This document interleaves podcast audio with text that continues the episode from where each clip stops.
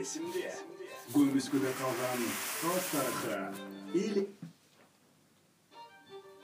эсимде эсимде көмүскүдө калган калк тарыхы эл эсиндеги орчундуу окуялар унутулган фактылар жыйырманчы жыйырма биринчи кылымдардагы кыргызстан менен борбордук азиянын тарыхы тууралуу кесипкөй тарыхчы окумуштуулар илимий изилдөөчүлөр жана окуя күбөлөрүнүн катышуусунда. Эсимде программасын ар аптанын жума күндөрү саат он алтыда угуңуз саламатсыздарбы кадырман угармандар.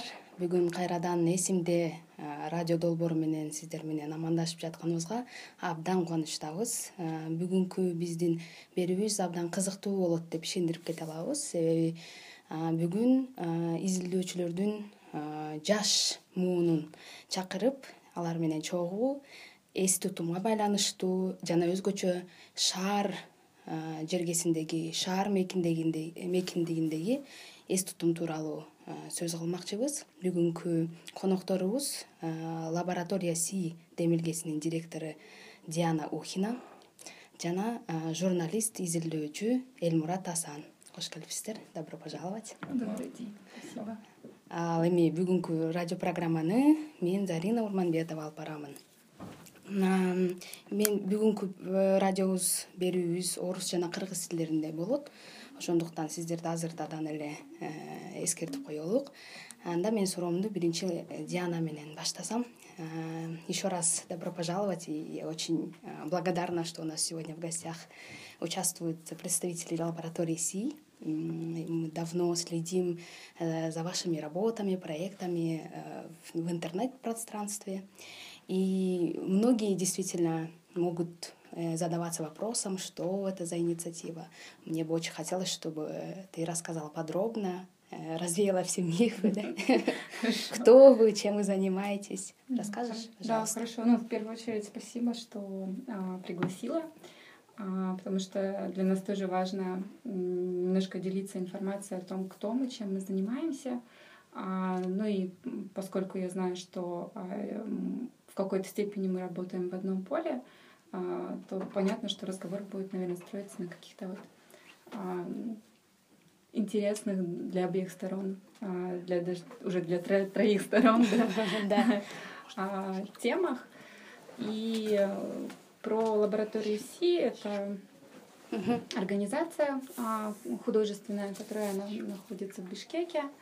Мы занимаемся культурным производством. И чтобы пояснить, наверное, нужно сказать, да, что у нас есть три основных направления работы.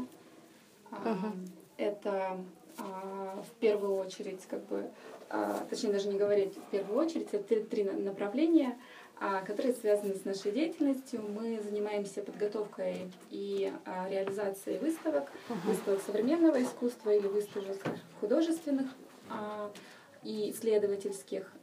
Мы готовим небольшие публикации, которые являются результатом нашей деятельности, то есть выпускаем журналы и каталоги выставок, соответственно. И также мы проводим образовательные программы,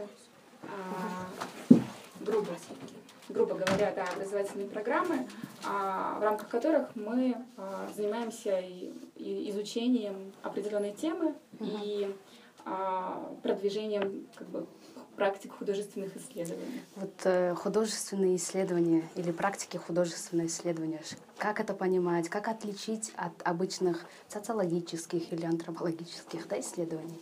А, ну да, наверное, нужно сразу обозначить, что, естественно, как бы наши художественные исследования, которые мы проводим, а, и о которых говорим, а, что они черпают какие-то там вдохновения и источники, в том числе и у научных да, каких-то mm-hmm. подходов, антропологических, в частности, да, антропологический подход очень близок, а социологические — а, но при этом, как мы говорим, возможность проведения художественного исследования позволяет нам чуть больше свободы угу. чувствовать. И эту свободу, она как бы дает возможность для того, чтобы как-то более, ну, творчески, так сказать, вывернуть какой-то материал.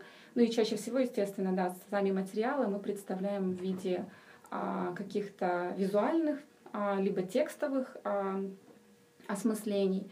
И в случае визуального это могут быть графические какие-то вещи, то есть рисунки, это может быть фотография, это может быть видео самого разного формата, то есть от видео в смысле от более документального uh-huh. до более в э, современном искусстве есть понятие видеоарта и вот uh-huh. в более таком да, направлении. Uh-huh. Вот. Но для нас важен, конечно, а, то есть для нас художественное производство базируется на исследовании. То есть ты, нам важно это, да, когда uh-huh. ты погружаешься, узнаешь тему, немножко в ней разбираешься, и а, исходя из этого ты уже начинаешь двигаться, но опять же, да, ты а, двигаешься так. А, что в какой-то момент что-то может поменяться, и вся работа полностью поменяется, mm. но ты не привязан там в случае, там, может быть, в исследовании у тебя чуть более строгая да, канва да, есть. Да, да, у нас да. нет. Ну и плюс мы все это репрезентируем и показываем либо в виде журналов, либо, либо в виде выставок. Вот. Это очень круто. Я сейчас поняла, вот хотела сказать, э, вы действительно не ограничены, там, скажем, каким-то конкретным исследовательским вопросом, или гипотезой, да, или же теорией, да, у вас очень свободно. А, вот э, почему у вас фокус только э, не только вот город, да, угу. городское пространство, вы э, это вы изначально так сами для себя определили?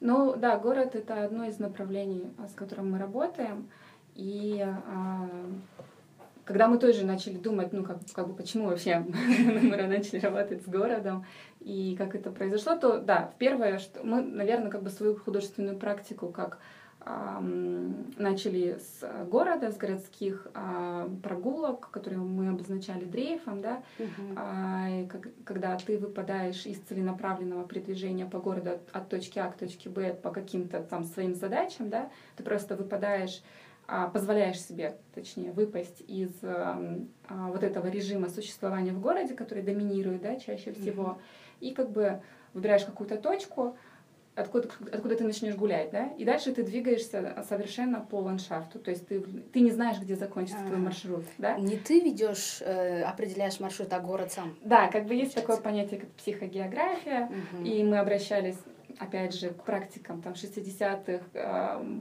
годов во Франции там теоретические мыслители и художники, там, которые а, подобное практиковали, но как бы у нас уже как бы совершенно наше свое осмысление. И, ну, это было начало, да. Uh-huh. Дальше уже, конечно, мы двигались по-другому.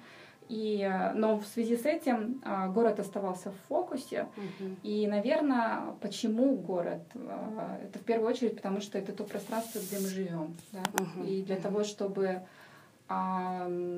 вообще начать понимать себя, да, конечно, оно очень сильно тебя формирует, и ты формируешь город, да, как бы. А, оно, оно, оно в том числе телесно, да, там структурирует, как ты себя ведешь, в том числе какие-то этические могут, могут быть штуки, какие-то культурные, социальные практики, это все на тебя очень сильно влияет. Да, и, да, да. Но при этом, как бы, мы являемся теми, кто создает это пространство. А, то есть это вот такая вот а, диалектичная, обоюдная, неоднозначная, да, вот такие вот пинг-понговые отношения, как бы если мы сейчас в бинарность идем, ну это ладно. Вот. А, и поэтому, да, нас интересовал город, потому что это то место, где мы живем, и чтобы а, что-то в нем делать, для нам было важно начать его осмыслять. Угу. Осмыслять, да? Понять, осмыслять это очень круто. И у вас интересный подход. Вот а, я сейчас хочу переключиться к Эльмурату и угу. узнать, почему Э, он выбрал именно этот исследовательскую тему да свою. Эльмурат э, сиз дагы кош келипсиз э, сизден ушул сурап кетейин дегеним. Биринчиден ушул өзүңүз негизи журналисттик чөлкөм таануу тармагында көбүрөөк баягы тажрыйбага ээ болуп билимге ээ болуп туруп анан ушул эс тутумга байланыштуу жана ошондой эле шаардагы эс тутумга байланыштуу изилдөөнү тандап калганыңыздын себеби жөнүндө айтып бересизби бул сулайман тоо негизи кыргызстанда сулайман тоодой болгон баягы тарыхый жактан дагы анан кийин өзүнүн жайгашкан жери боюнча дагы бир нече жайлар бар негизичи ооба. Бирок сулайман тоо алардын арасынан айырмаланып кыргызстандагы балким бул борбордук азиядагы байыркы шаар болуп аткан үчүн ош шаары. Анан ошол азыркы күнгө чейин өзүнүн ошол шаар макамын сактап келатканы анан ошо сулайман тоонун тегерегиндеги көз караштар бүт баардыгы негизи аябай эле менин көңүлүмдү бурду да. Ошол боюнча анын үстүнө мен э, балалык кезимде дагы сулайман тоого байланыштуу өзүмдүн э, эсимде калган жакшы э, окуяларым бар болчу. Анан азыр эми эс тартып карап көрсөм ошол убакыттарга көп нерсенин өзгөргөнүн байкадым да. Анан ошол сулайман тоону бир шаардын бир бөлүгү катары коомдук жай катары изилдеп анын азыркы функциялары кандай экенине э, себеп салып ошол жагына байкоо жүргүзгүм келип э, атты да. Өзүм э, негизи алган билимим акыркы алган билимим дагы бул борбордук азия изилдөөлөр аймактануу болуп эсептелет. Анан ошол борбордук азиядагы негизги тема жараткан кызыл баягы бүт өзүнө көңүл бурган жерлердин бири дагы бул ош шаары болуп эсептелет. Мисалы ош шаары фергана өрөөнүндө жайгашкан. Мисалы борбордук азиядагы эң кызуу темалар кайсыл жерде болсо анын баары мисалы фергана өрөөнү сөзсүз кирет да. Анын бөлүгү катары ош шаары мен изилдеп көрөйүн деп чечтим актуалдуу дейсиз да?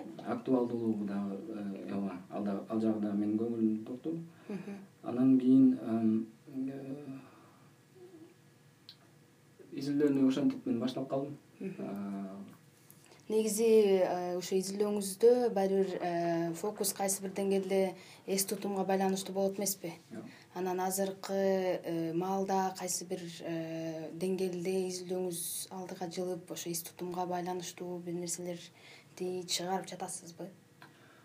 Буга чейин апрель айында атайын талай изилдөөлөрү деген ыкманы колдонуш үчүн сулайман тоого барып күндүн ар кайсы мезгилдеринде чыгып көрүп байкоо жүргүзүп адамдар менен сүйлөшүп келдим.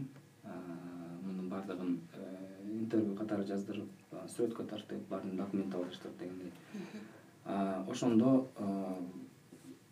байкаштырсам бул сулайман тоо өзүнүн функциясын мисалы мен өзүм эле мындай эмемден карадым да призмамдачы өзүмдүн эле аң сезимим өзүмдүн эле баягы дарыметиме жараша карадым мисалы акыркы жыйырма отуз жылды эле ала турган болсок мисалы мындан он жыл жыйырма жыл мурда мунун функциясы башкача болсо азыр башка функциялардын киргенин байкадым да. Мисалы э, ошол изилдөө кылып жүргөнүмдө мындан мен э, он жыйырма жыл мурда ал жерде спортчулардын жүгүрүп жүргөнүн көрбөйт элем да. Мисалы азыр бул жаңы бир э, функция кошулуп атканын э, байкасак болот да мындан ошонун функцияга кошулуп атканын айтсак болот. Э, элестетүү дагы мүмкүн эмес болчу мындан жыйырма жыл мурда ойго да келбейт болчу. Ал кезде бул бир ыйык делген элдин оозунда баардыгы сыйынууга чыккан ушундай бир жер болчу да. Азыр болсо ошол эле функцияларды сактап калуу менен бирге дагы жаңы функциялар кошулуп атканы э, аябай кызык кызык болду мага. Кызык болду анан өзүм үчүн дагы мындай чакан ачылыш болду да. Андан тышкары дагы башка функциялары дагы изилденип атат. Анын баардыгын азыр эми э, изилдөө толук бүтө элек болгон үчүн э, андан тышкары мен дианадан дагы ошол боюнча сурайын деп келгем да э, ошол методика жагынан. Кандай кылып изилдеге болот? Коомдук жай катары себеби бул. Бизде мындай ыйык жер болуп эсептелгендиктен ыйык жерди биз бир эле функциясы бар деп билебиз да бирок бул ыйык жердин функциясы бир эмес андан да көп экен мундагы дагы ошону жакшыраак тереңирээк ар тараптуу изилдеш үчүн дагы методикалар керек болот. Албетте анда биз азыр ушул эфирдин аягына чейин дагы талкуу кылалы.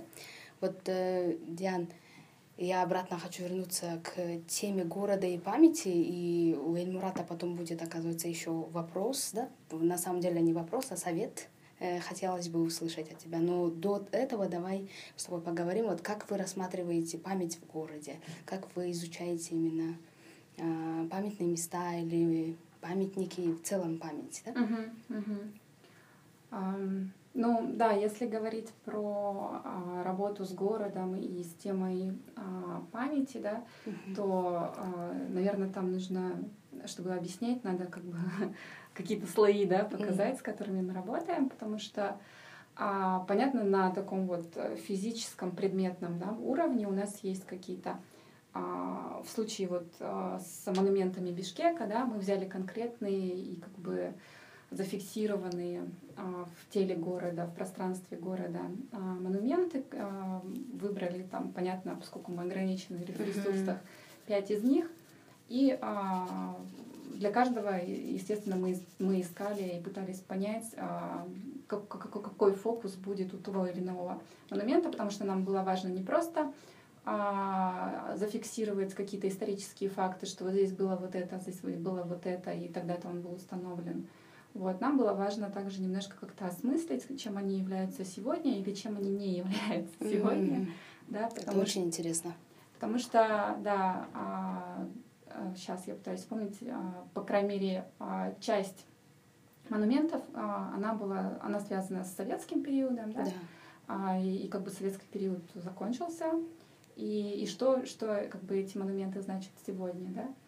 А, и, как бы в зависимости, у нас было, получается, над каждым монументом работал и работали отдельные исследователи, а, которые занимались э, изысканием в архивах, а, мы в библиотеках очень много сидели, а, искали как бы газетные материалы того периода, чтобы понять, как бы в каких в каком контексте, в каких условиях те или иные памятники появлялись, mm-hmm. а, и как бы естественно, а, как нас интересовала какая-то его содержательная сторона.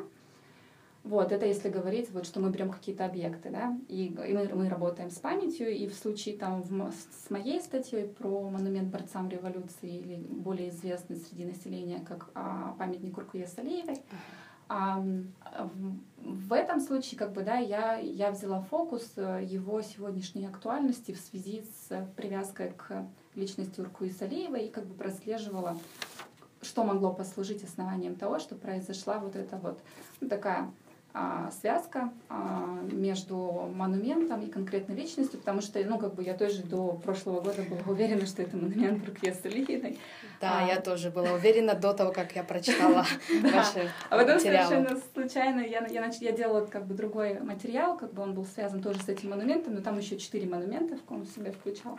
И как бы я заметила в книжке такое, как бы, когда я читала в описании, что там сказано монумент борцам революции, и как-то про Урку Салиева очень как бы отсылка такая короткая. Я подумала, интересно, получается, он вообще как бы... И поэтому я пошла, встретилась с, со скульптором, с автором, mm. на что, да, он мне сказал, что... Ой, это, говорит, народ прозвал ее так.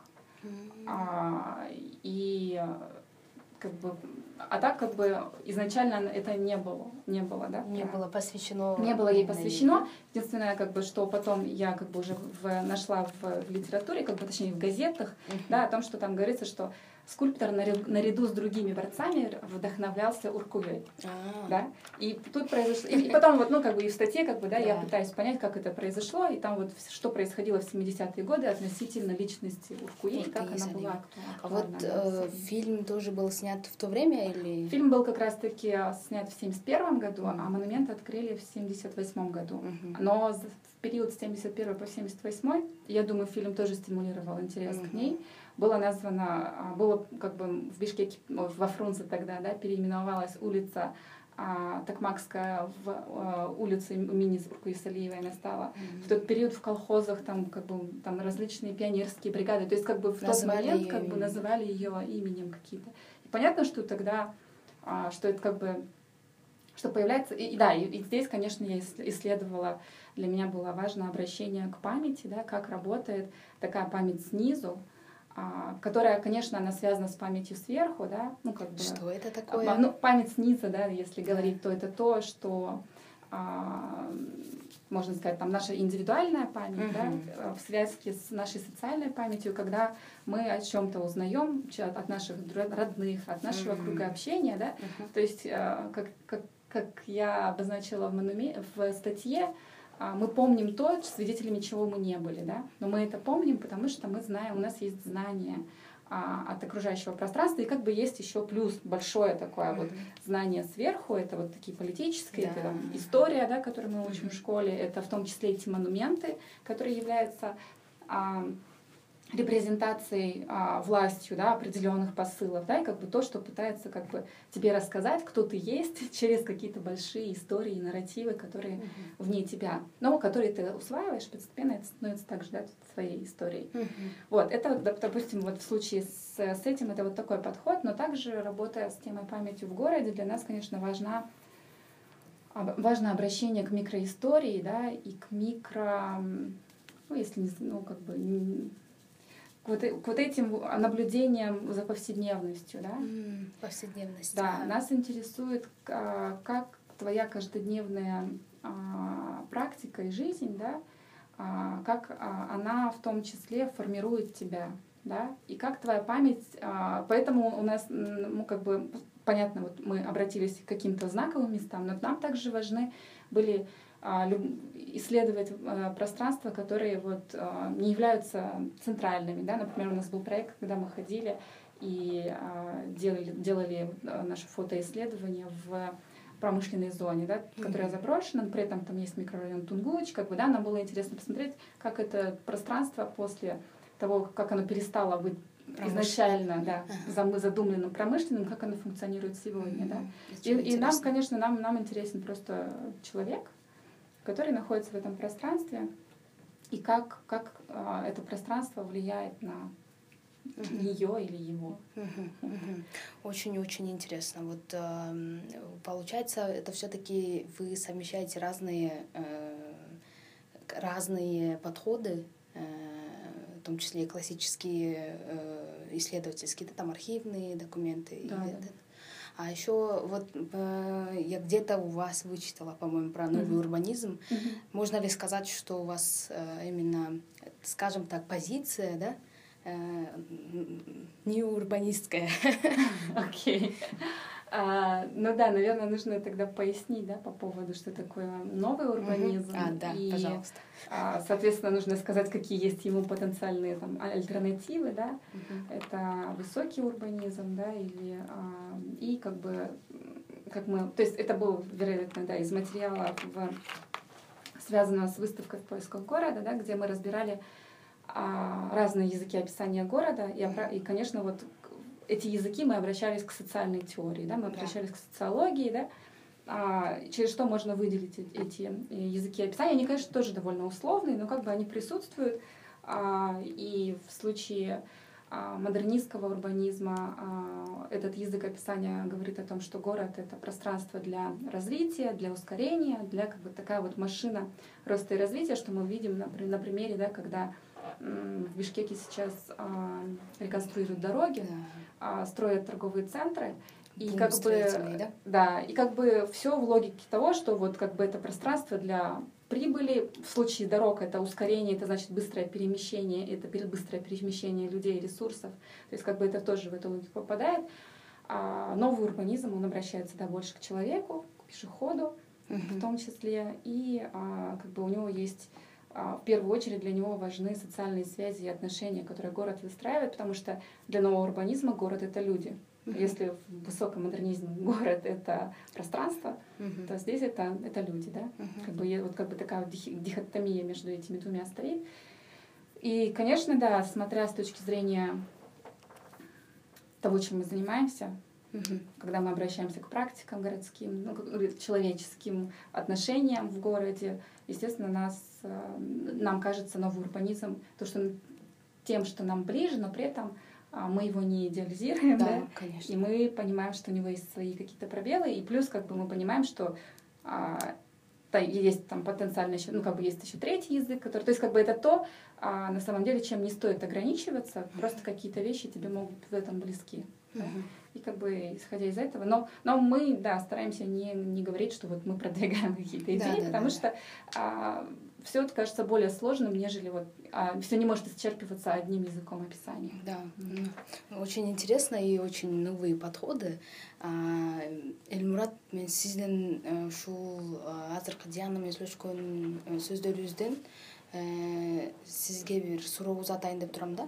Ушул э, сулайман тоону карап жатканыңызда сиз э, шаардын контекстинде карап жатам дедиңизби. Бул илгерки шаар дагы деле шаар макамын алып жүргөн жер катары анан ошол эле учурда сиз ушул сулайман тоонун тегерегинде болуп жаткан күндөлүк турмуштун ар кандай практикаларына байкоо жүргүздүңүзбү? Ошол спорт менен машыккандардан тышкары ошол сулайман тоонун тегерегинде жашагандардын жашоосуна тоонун кандайсындай бир деңгээлде э, баягы эмеси таасири барбы жашоолоруна?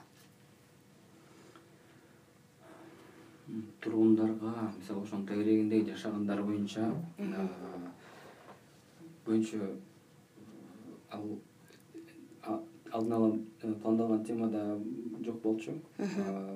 Мага ошол тоонун үстүндө жүргөндөрдүн тоого чыккандардын тоого чыккандардын и ошо тоонун аймагына кирип э, ошол жакта калып калгандар мындайча айтканда ошол жакта жүргөндөрдүн э, эмне үчүн жүргөнү изилдөө керек болчу да. Ошон үчүн бул тоонун айланасында жашаган отурукташкан көбүнчө тоонун чыгыш батыш жактарында жашашат айланасында дээрлик жашашат эми көбүнчө ошол чыгыш жагында көп баягы байыркыдан калган ошо эски үйлөр бар болуш керек. Бүт эле мындай жер үйлөрдөн турган ушундай эмелер бар да айылдар бар. Аларды изилдөө э, алардын тоого болгон э, көз карашы таасири тоонун таасири же өз ара мамилеси негизи изилдөөмдө жок. Үчүн меники көбүнчө тоонун үстүндөгү адамдар да башкача айтканда тоого чыгып ошол тоонун колдонгон кишилерди алат экенсиз ошондо кимдин көз карашы менен деген суроого биз тоого чыгып эс алат болобу же спорт менен машыккандардын көзү менен карайм деп жатасыз э негизи сиз изилдөөңүздү баштоодон мурда ошол талаа изилдөөсүнө чыгуудан мурда сизде э, баягы э, кабинетный исследование деп коет эмеспи ошондой бир изилдөө кылып э, бул сулайман тоого байланыштуу башка изилдөөлөрдү карап көрдүңүзбү? Э, сиз э, кайсы бир деңгээлде өзүңүзгө маалымат ала алдыңызбы же багыт ала алдыңызбы? Бул боюнча чет элдиктердин изилдөөлөрүнө азырынча карай элекмин. Ал боюнча бар болсо керек. Өзүбүз билебиз да мындан он жети жыл мурда он сегиз жыл болот быйыл. Эки миңинчи жылы оштун үч миң жылдык э, мааракеси өткөрүлгөн да. Ошондо чоң илимий конференциялар болгон илимий иштер жазылган ошол э, ошолордун э, алдында илимий конференциялар ошол жылдык өткөрүлгөнгө чейин кыргызстандын ошол тарыхчы изилдөөчүлөрү атайын чоң бир программа жазып чыгышкан да. Ошол жерде дагы мунун ошол тарыхыйлыгы үч миң жылдыгы тарыхыйдан тышкары маданий жана башка өзүнүн аспекттерине токтолуп кетишкен да. Ошол боюнча менде маалымат ошол маалыматты карадым. Кабинеттин ичинде отуруп алган ошол жерден мен көп багыттарды алдым. Бирок бизде мен байкаган бир мен муну бир кемчилик катары айтат элем. Ошол жерде деле мисалы барсаң аябай көбүртүп жабыртып мактап бул деген ушундай э, тарыхый ушундай биздин кыргызстандын э, казынасы мисалы байлыгы дегендей эмелер көп айтылган да. Иши кылып ошол юбилейди өткөрүүнүн э, негиздемеси да мындайча эми туура анын тарыхыйлыгы жана башкасы бар бирок ал эми академикалык көз караштан баягы бейтарап баяндалган илимий изилдөө иштерине э, ошол конференцияда катышкандардыкына э, атайын жыйнак болуп чыгарылган беле ошондой алар боюнча маалымат алам эми андан жакшы. Диан вот вы не ограничиваетесь городом бишкек. Насколько я знаю вы выезжаете в другие города малые города большие даже в соседние страны да? Вот можешь немного рассказать про опыт работы с другими городами и вот особенности про ош? Мы бы хотели поговорить потому что у эльмурата э, фокус э, или исследовательское поле ваше да?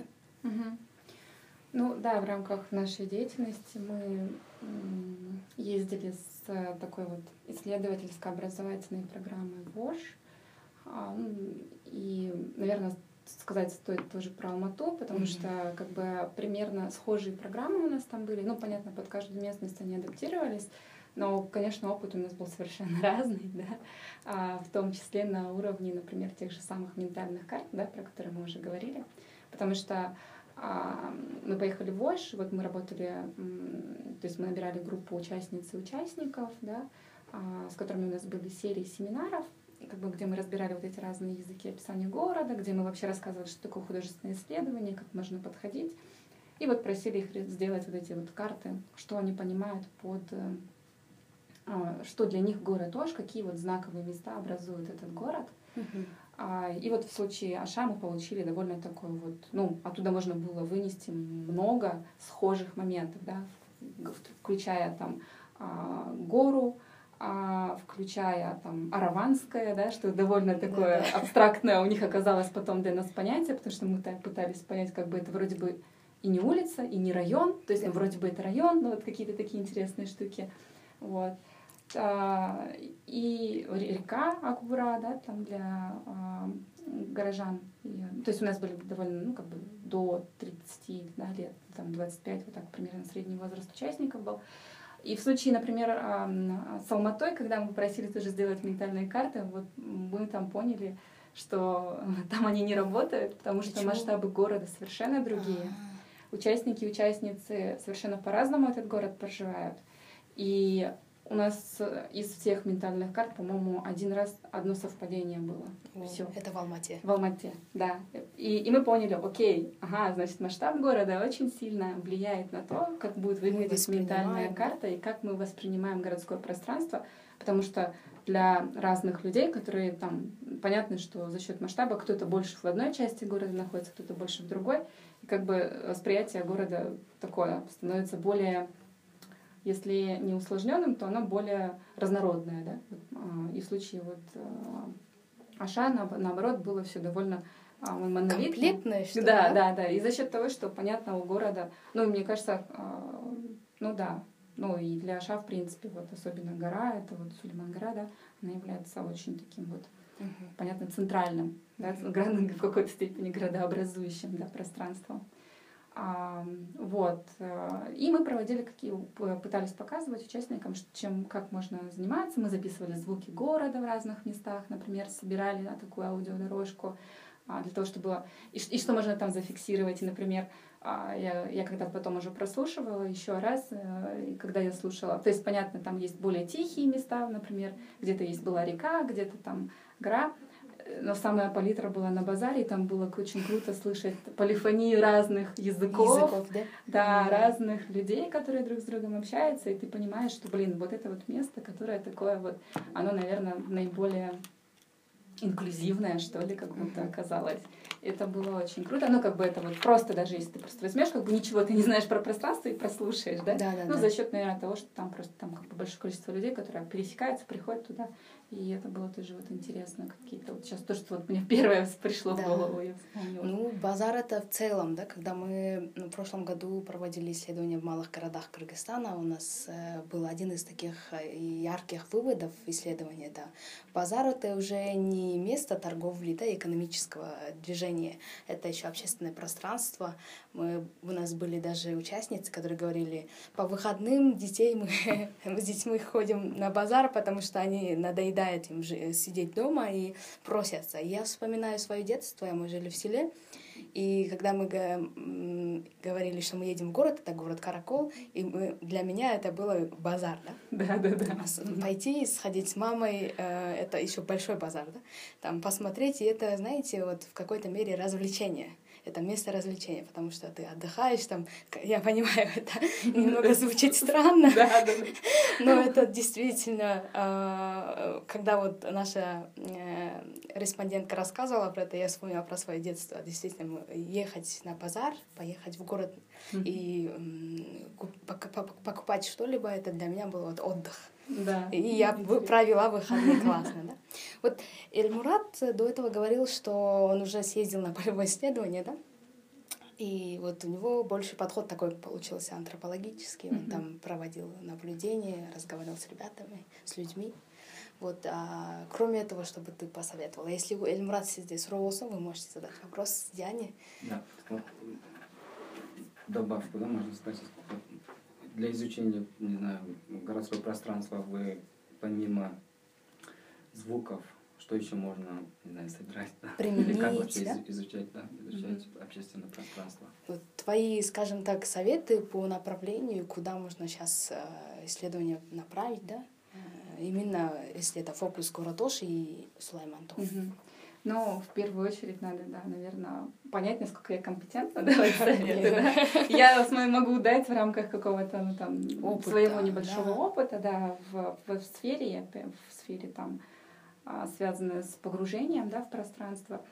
А, и, ну, если говорить о каком-то совете, ну, я не знаю, даже совет, это просто какое-то размышление, да, если о том, что бы я, например, делала. Я просто не знаю, что вы там сделали уже, да, я бы попыталась понять, как люди, которые находятся около горы, как они в плане не которые приходят гулять, а вот там я знаю, что там, там находится музей изобразительных искусств, там mm-hmm. находится мечеть, там находится какое-то пространство, где люди проживают. То есть как те, Чайхана, кто... Да? да, вот Чайхана.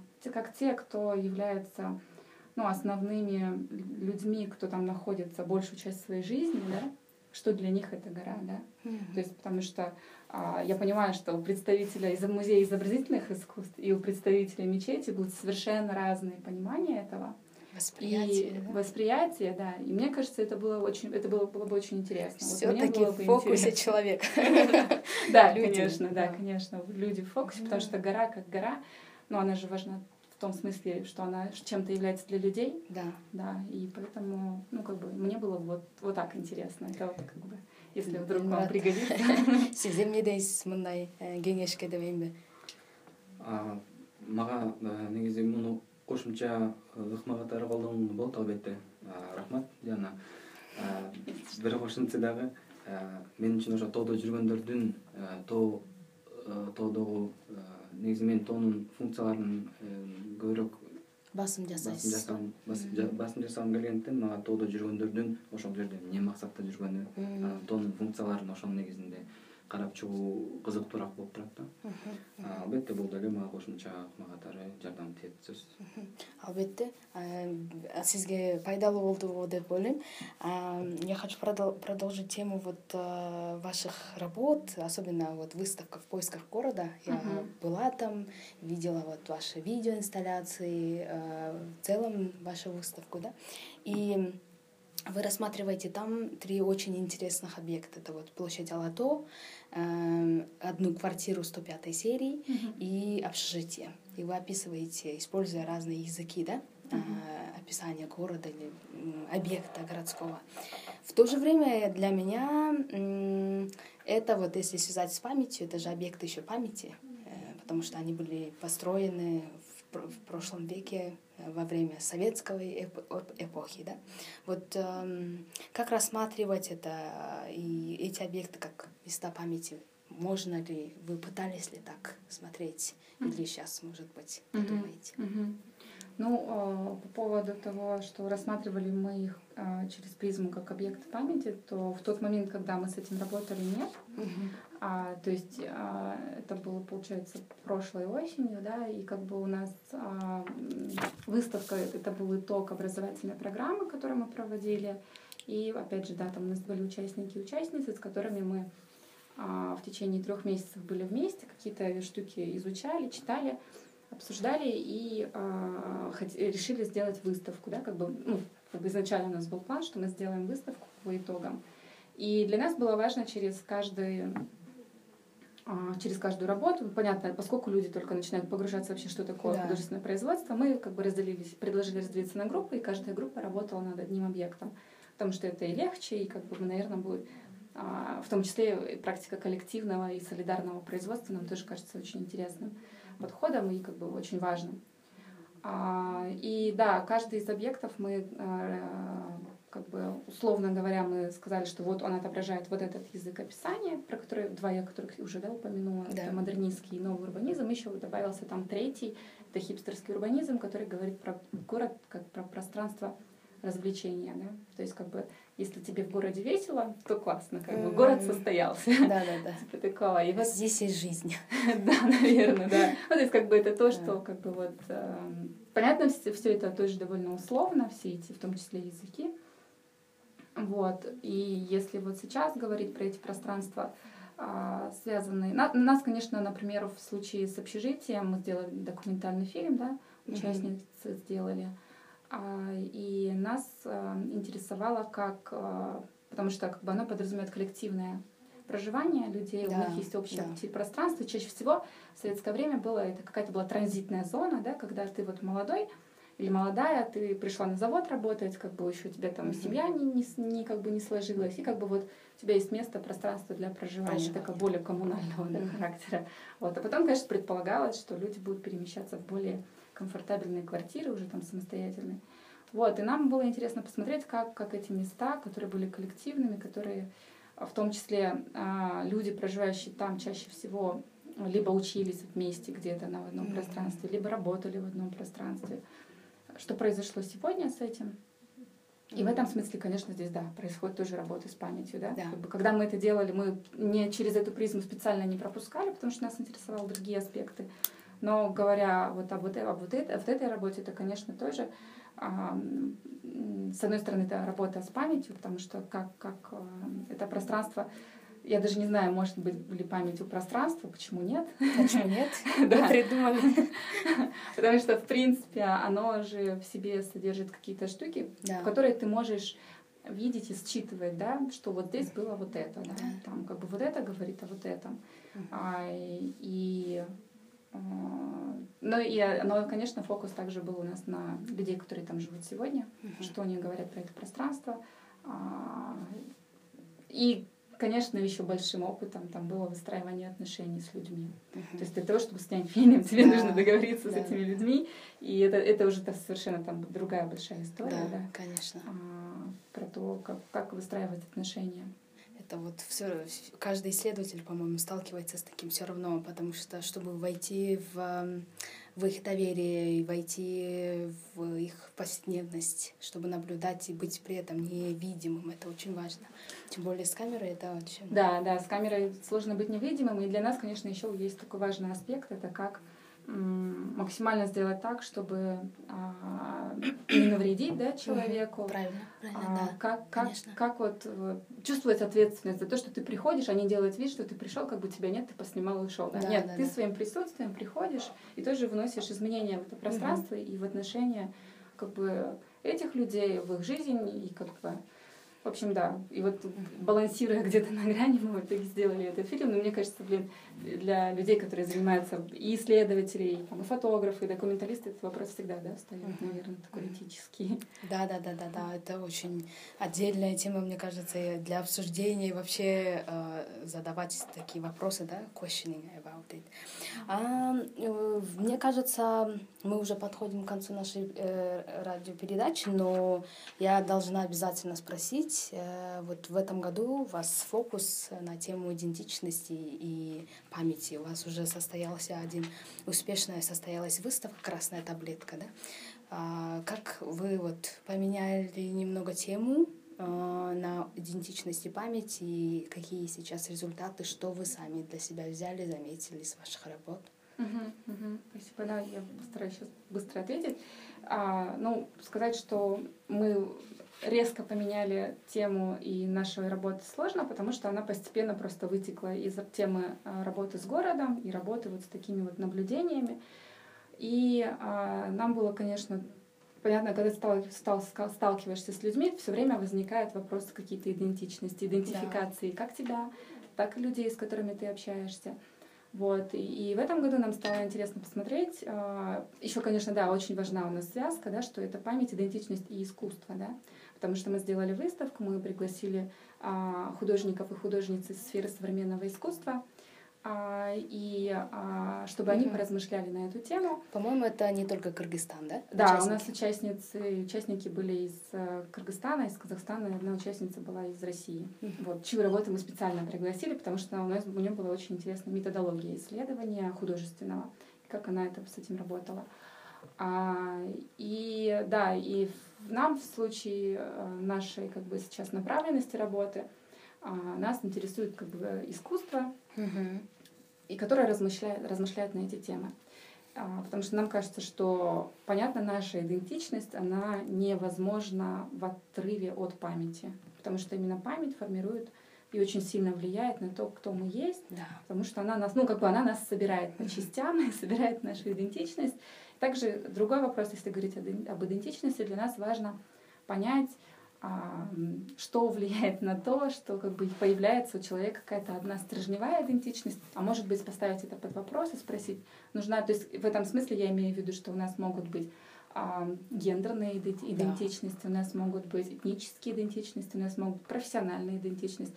Пространственные. Да, пространственные, городской, да. городской. Да, и в этом смысле мы же на самом деле очень как бы не нас сложно свести к какой-то одной вот этой линии. Uh-huh. А, и вот нам было тоже в том числе хотелось через вот эту выставку поговорить а, о том, а что, а можем ли мы быть и осознавать множественность своих идентичностей, uh-huh. и как с этим тогда иметь дело, потому что, понятно, тогда тебе сложнее uh-huh.